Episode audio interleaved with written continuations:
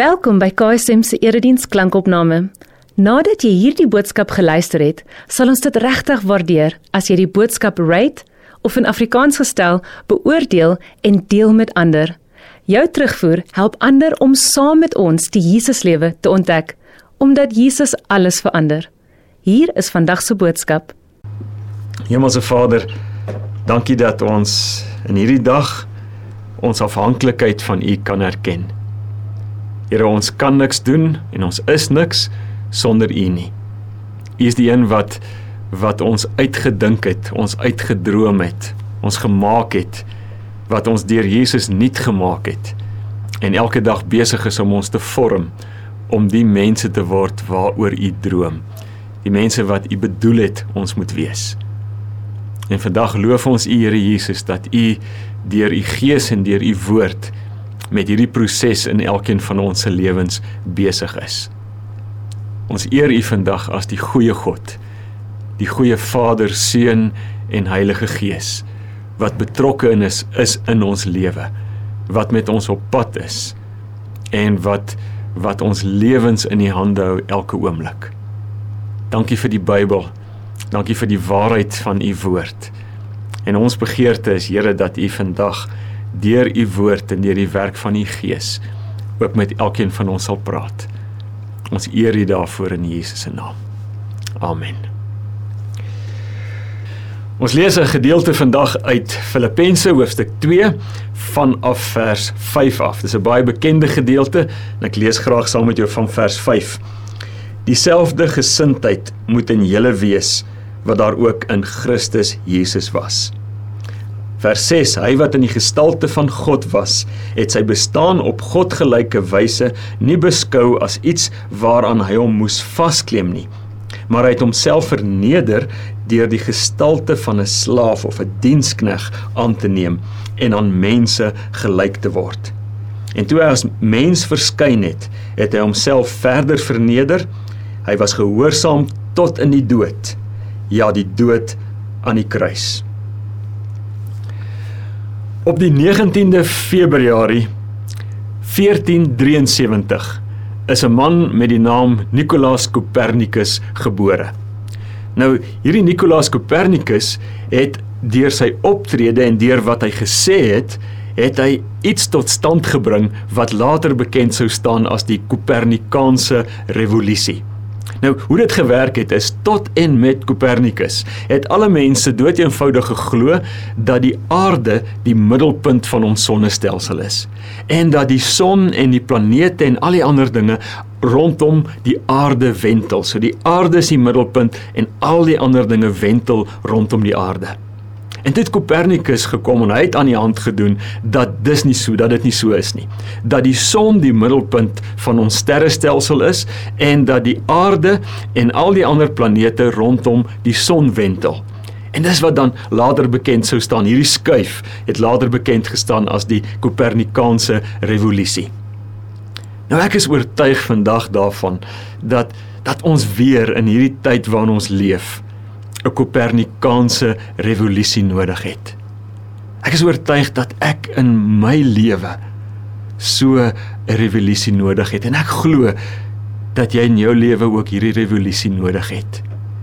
Want in die manier waarop ons praat, dit wat ons sê en dit wat ons doen en en hoe ons optree, lyk dit vir my al hoe meer asof ons dink en glo dat ons die middelpunt van die heelal is en asof alles rondom my en my lewe en my behoeftes moet draai.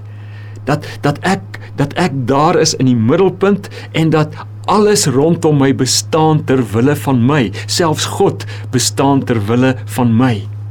Ek is die ek is die middelpunt van my heelal en alles al en almal en alles draai om my en bestaan ter wille van my geen wonder uh, dat dat ons praat in hierdie tyd waarin ons leef, praat mense van van selfsug en selfgesentreerdheid en self uh, selfgelding en selfbeheptheid en selfbejammering as die siekte van ons tyd.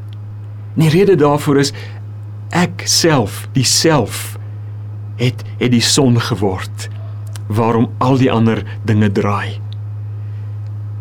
hierdie selfsiektes dit maak maak dat ek wat ek wil hê op my tyd en op my voorwaardes op die manier waarop ek dit wil laat gebeur wil hê wanneer ek dit wil hê.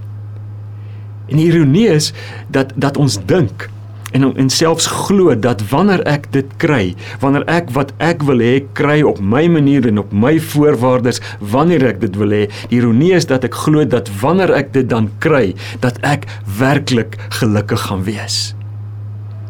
En ek sê dis ironies want Jesus was die gelukkigste mens wat ooit geleef het. Jesus was die mees tevrede mens. Hy was die mees vervulde mens wat ooit geleef het. En Jesus het iets anders as selfgesentreerdheid en selfbeheptheid gemodelleer. Jesus het anders geleef as selfbehep en selfgesentreerd. Hoor 'n bietjie wat wat staan in Filippense 2 ons het dit net nou gelees vers 6 hy wat in die gestalte van God was het sy bestaan op godgelyke wyse nie beskou as iets waarna hy hom moes vasklem nie.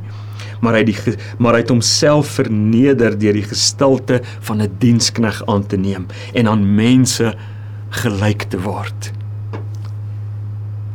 As mens hierdie woorde lees dan is daar party mense wat wat dit so verstaan. Hulle sê jy moet dit verstaan dat Jesus was God. Hy was in die gestalte van God. Maar ten spyte daarvan dat hy God was, het hy die gestalte van 'n dienskneg aangeneem. Het hy die vorm van 'n dienskneg aangeneem. En is een manier om dit te verstaan, maar ek dink daar's 'n ander beter manier waarop ons dit kan verstaan. En dit is Jesus was God. En juis presies omdat hy God was, het hy die gestalte van 'n dienskneg aangeneem. Jy sien as as 'n mens dit so sien dan dan sê jy Jesus het dan dan verstaan jy nie dat Jesus die gestalte van van 'n dienskneg aangeneem het om God daardeur te vermom nie, om daardie God daardeur anders te laat lyk nie, maar hy die gestalte van 'n dienskneg aangeneem om daardeur juis God bekend te maak. Iemand het mooi gesê, Jesus didn't come in the in the in the form as a servant to disguise God. He came to reveal God. Die feit dat Jesus die gestalte van 'n dienskneg aangeneem het, het God kom bekend maak. Het vir ons kom wys hoe God regtig is. God se hart vir ons op 'n besondere, onvergeetlike manier kom wys. Dit het Jesus gedoen. Hy het God deur sy gestalte van 'n dienskneg kom bekend maak. En nou sê vers 5 vir jou en vir my dieselfde gesindheid wat daar in Christus Jesus was. Hierdie gesindheid moet daar ook in julle wees. Jesus het homself gegee aan die kruis. Daar aan die kruis het hy sy lewe gegee. Hy het sy laaste asem uitgeblaas en hy het dit gedoen ter wille van 'n wêreld wat vasgevang is in selfgesentreerdheid. Hy het dit gedoen ter wille van 'n van mense soos ek en jy wat wat selfbehep geraak het wat selfgesentreerd lewe en selfgesentreerd bestaan. So Jesus het homself gegee, het gesterf aan die kruis. En dan lees ons in Galasiërs 2 vers 20, dan gaan dit oor my en jou lewe en sê ons is saam met Jesus gekruisig. Vers 19 en dan vers 20 en nou lewe Jesus deur my. Dis nie meer ek wat lewe nie, maar Jesus wat deur my leef. Galasiërs 5 vers 24, daar sê Paulus, uh, ons moet ons ons ons ons moes ons sondige natuur kruisig saam met Jesus. So en hierdie hierdie ding gebeur nie net een keer nie. Dit is 'n ding wat daagliks moet gebeur. Ek moet daagliks myself, daai self wat in die middelpunt van die heelal wil staan. Ek moet daai self elke dag kruisig sodat Jesus in my en deur my kan leef. Dis wat Galasiërs vir ons leer. Ek moet ek moet en dis 'n ander manier om dit te sê, ek moet daaglik daagliks sterf aan myself sodat Jesus deur my kan lewe. Ek moet ander nog 'n manier om dit te sê is ek moet leeg word van myself sodat Jesus my kan volmaak en sy lewe deur my kan leef. Hierdie hierdie gedagte van van daagliks sterf van jouself, het ek baie oor gedink en gewonder maar wat wat beteken dit in die praktyk? Wat beteken dit prakties vir jou en my lewens? En 'n dame met die naam Jan Johnson het 'n boek geskryf wat ek onlangs gelees het wat my baie daarmee gehelp het. En sy het 'n klomp dinge, klomp implikasies uitgespel en ek gaan net by so vier dinge vandag vinnig stil staan. As ek die feit dat ek in myself sterf bete beteken en die, die eerste ding wat dit beteken is dat ek nie altyd ten alle koste altyd my wil wil my wil in my sin wil kry nie. Dat ek nie elke dag my sin in alles wil kry nie. Dat ek dat ek verstaan nou ek is nou ek het gesterf van myself. En daarom daarom hoef ek nie meer mense rondom my te beheer en mense rondom my te gebruik om my sin te kry en my behoeftes te bevredig nie. En dit dit maak my vry As ek as ek weet ek gesterf van myself, ek hoef nie altyd my sin te kry nie, dan maak dit my vry om mense regtig te begin hanteer soos wat ek hanteer wil word. Die tweede ding wat gebeur as ek as ek sterf van myself is ek hoef nie meer so bekommerd te wees oor wat ander mense van my dink nie. As ek as ek sterf van myself dan word ek bevry van daardie slawerny van dat ek wil hê alle mense moet altyd van my hou. En ek is seker jy sal met my saamstem, dit raak 'n dit raak 'n verslawing dat ek dat ek wil hê mense moet altyd van my hou. Maar as ek as ek sterf van myself en ek raak vry daarvan, dan kry ek die vermoë om om regtig in alles eg te wees om deursigtig te wees om om om regtig broos te wees saam en voor ander mense. Want ek hoef ek hoef nou nie meer bang te wees nie. Ek het gesterf van myself so ek hoef nie meer bang te wees dat mense minder van my gaan hou as hulle my regte self sien nie.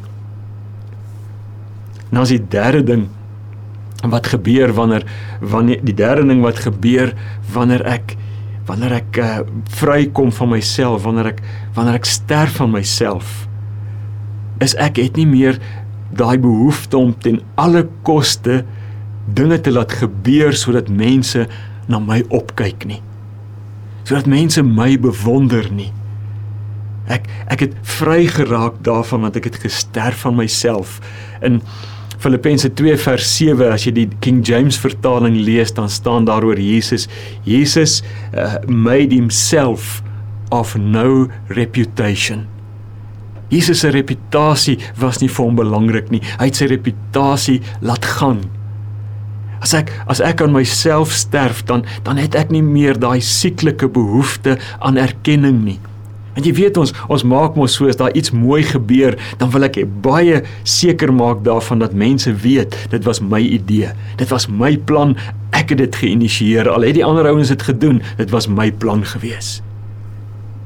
As ek sterf van myself, dan dan dan raak ek oukei daarmee dat ander mense erkenning kry en dat ander mense geprys word. En as ek dikwels die eerste een wat vir hulle erkenning gee en wat hulle prys. En die vierde ding as ek sterf van myself dan raak ek vry van 'n van 'n beheptheid met myself. Dan raak ek vry vry van hierdie obsessie met myself. En jy sien 'n beheptheid met myself is die gevolg van 'n trotse lewe. 'n lewe van trots. En nou Jesus het vir ons die voorbeeld kom stel van wat is die teenoorgestelde van trots?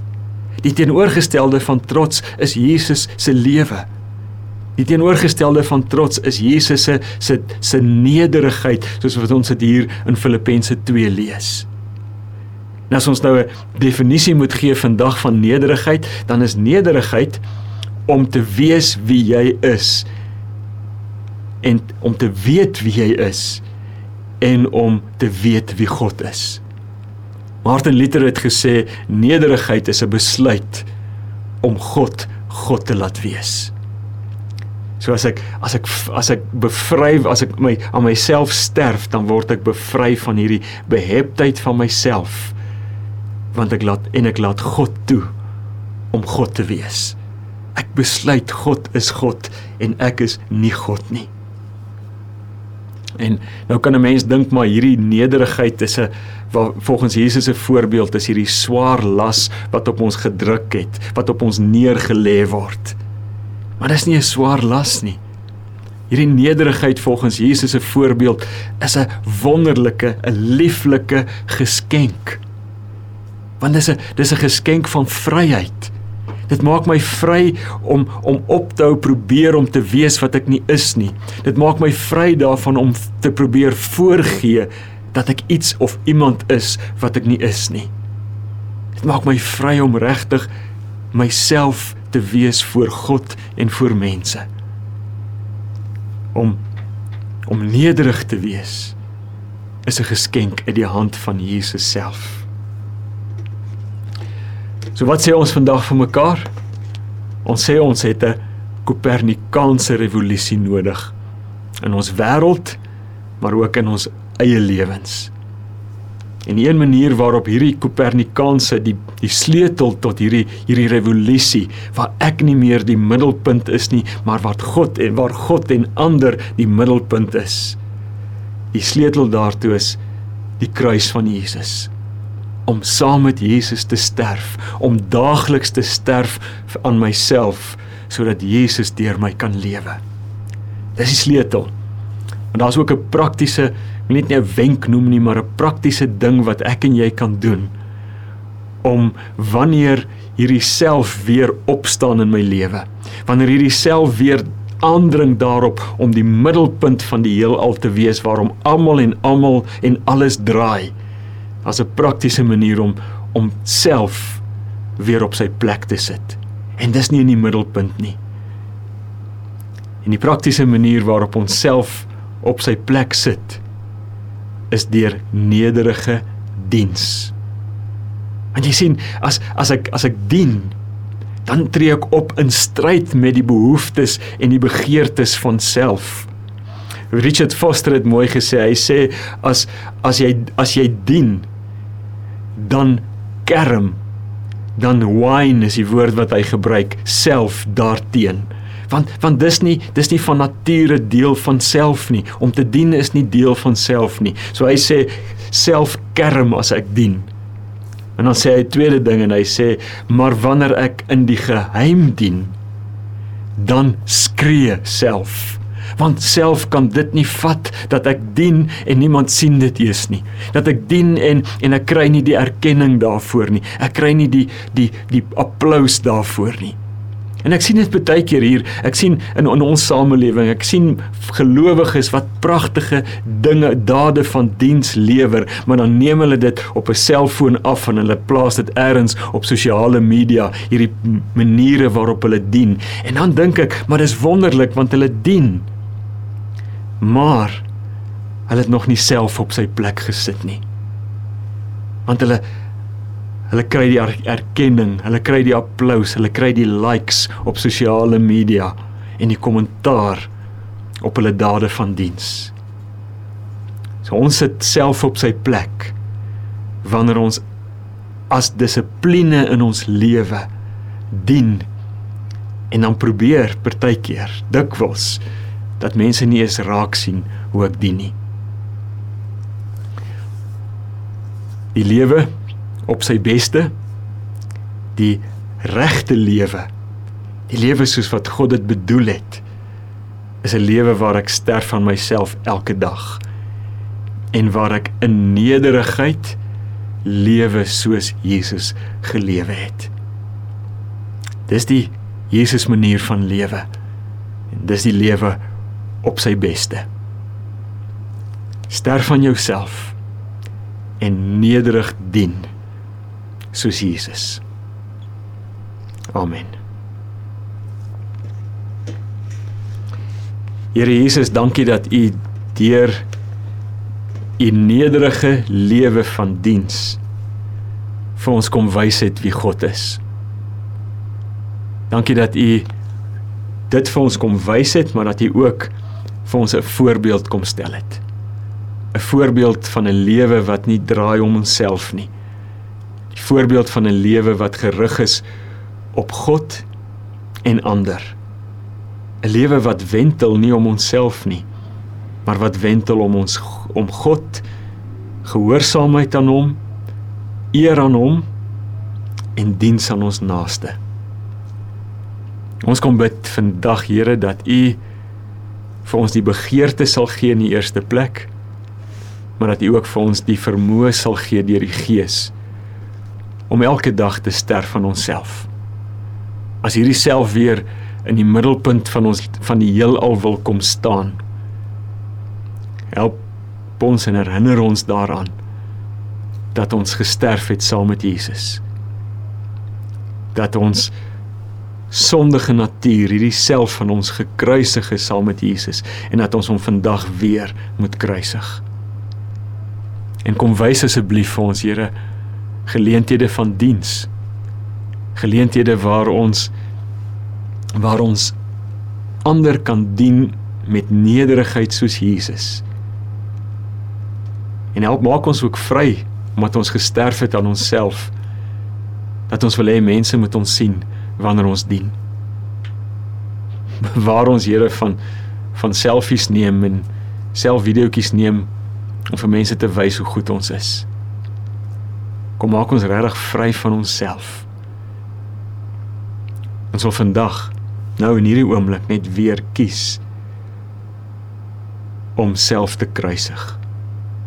Om te sterf van onsself sodat U Here Jesus die nederige dienskneg u lewe deur ons sal kom lewe. Ons bid dit in u wonderlike naam. Die naam bo alle name. Amen. Indien hierdie boodskap vir jou betekenisvol was, oorweeg dit om in te teken vir ons nuusbrief, waarin ons weekliks hulpbronne en opkomende gebeure by KSM deel, sodat ons saam die Jesuslewe kan ontdek. Besoek ksm.co.za en word deel.